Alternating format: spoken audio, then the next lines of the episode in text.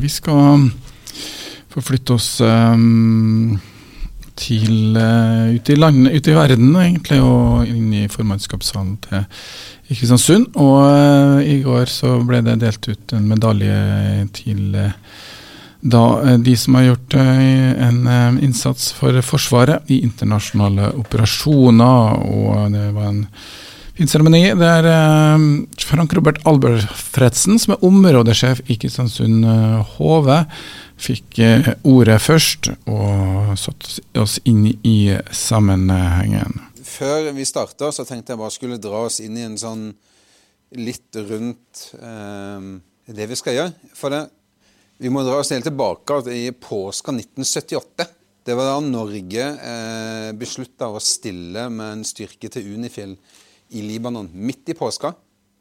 Og i løpet av fire dager så eh, pakka Forsvaret sammen både personell og materiell og skippa de av gårde til, til, Libanon og på vei til Beirut. Unifil var det store bidraget fra Norge til FNs fredsbevarende styrker gjennom mer enn et tiår. Helt til Balkan eh, ble prioritert på 90-tallet, og Norge trakk seg helt ut fra Balkan da eh, i eh, Libanon i 1998. Tidlig i operasjonen stilte Norge med det største bidraget med flere avdelinger i eh, Unifil. Og til sammen så var det på det meste 900 soldater som var ute. Infanteribataljonen eh, Norbat var hele tida det største elementet. Og det som ble værende hele perioden i eh, Unifil. Og det var da igjen fra 1978 til 1998.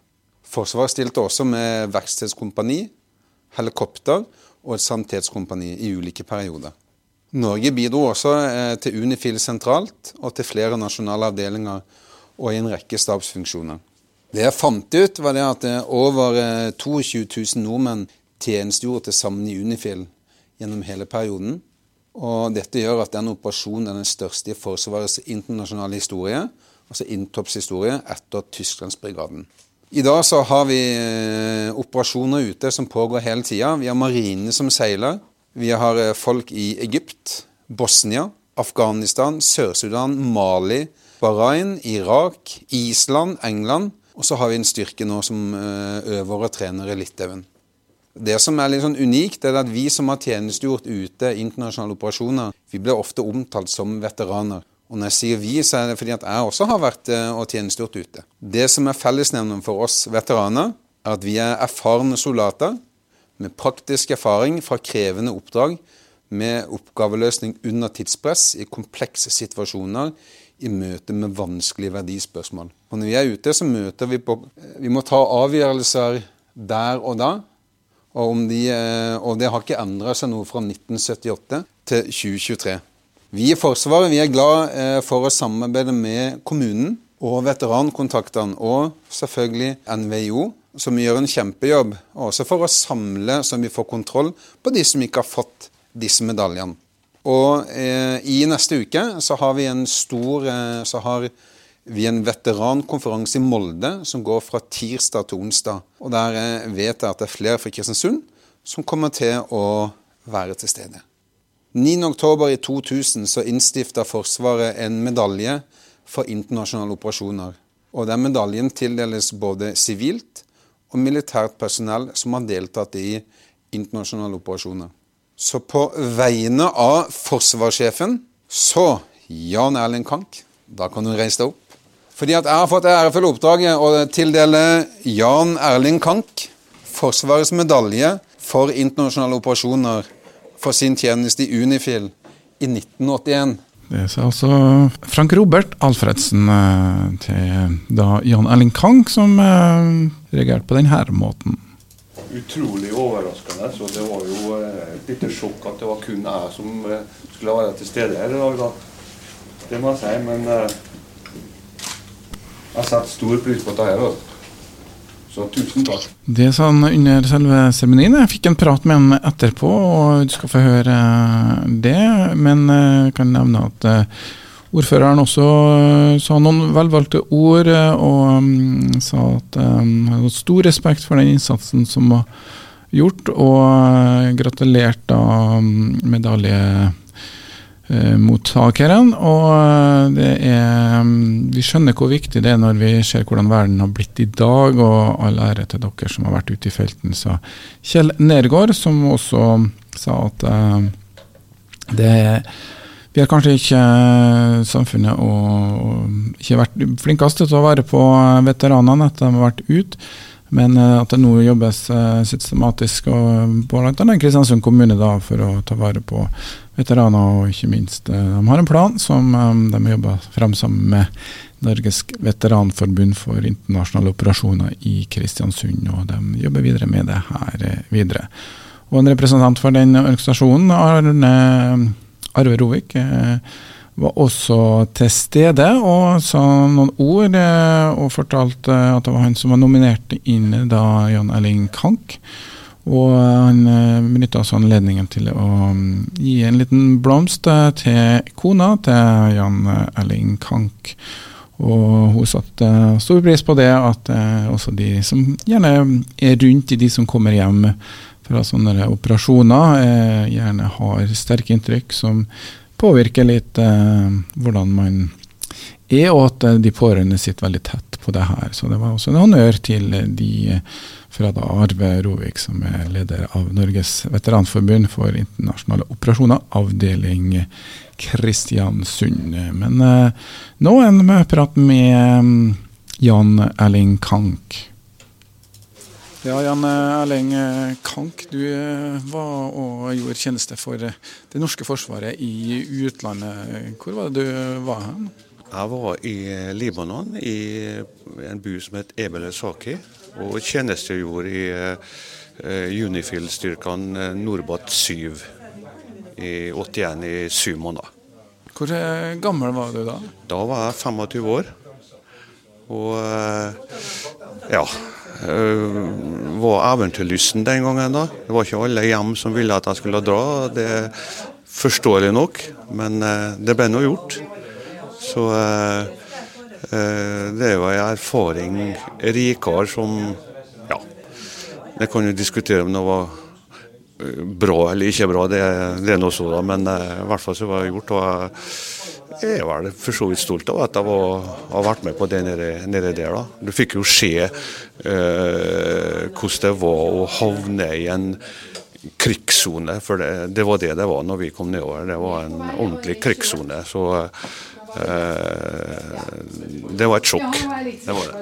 Hva slags praktiske oppgaver hadde du når du var der? Jeg var, jeg var mekaniker. Jeg var mekaniker på, på beltekjøretøy i utgangspunktet. Samtidig som vi også utførte eh, normale militære, militære tjenester med vakthold og ja, utrykninger til når det var trefninger og ja, i hele tatt.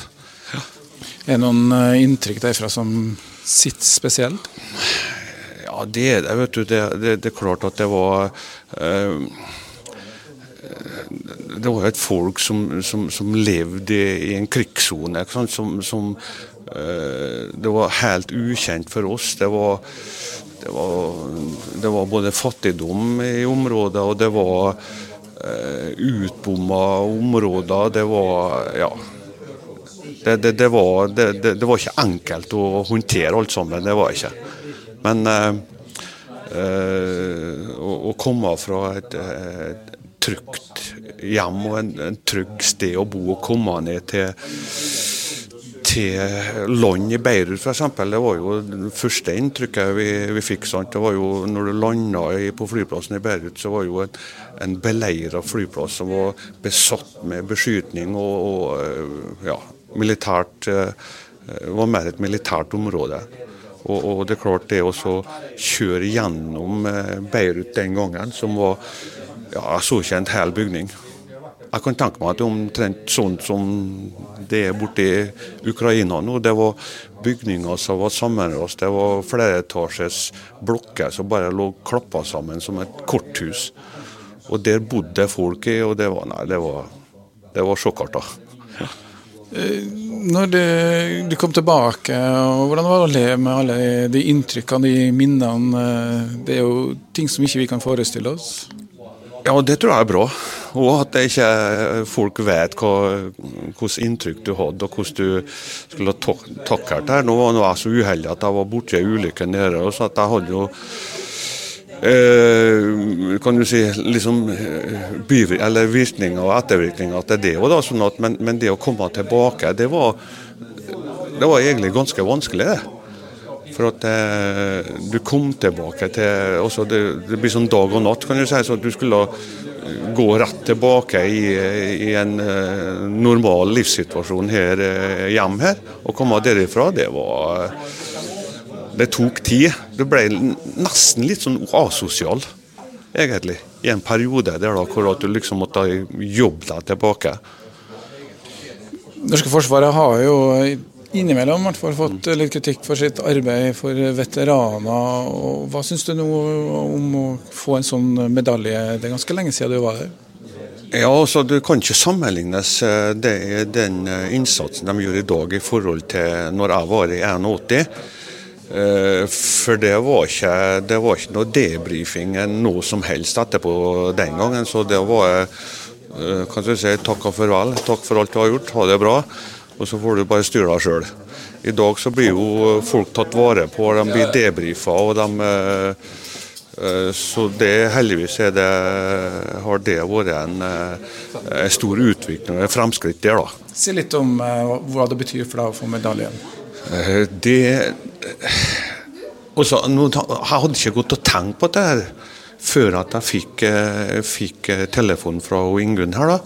Og, og, det er klart det også, å få den anerkjennelsen at du har vært med på eh, et sånt oppdrag som, det, som, er, som var fredsbevarende, eh, hvor du hadde altså, aggressive parter rundt deg, ikke sant? Eh, rundt området som vi var, og, og få den anerkjennelsen at vi har gjort en innsats nå over 40 år etterpå, det det setter jeg kjempestor pris på, så det gjør jeg. Jeg trodde ikke at jeg skulle eh, reagere eller tenke sånn og føle sånn, men, men eh, rimelig overveldende.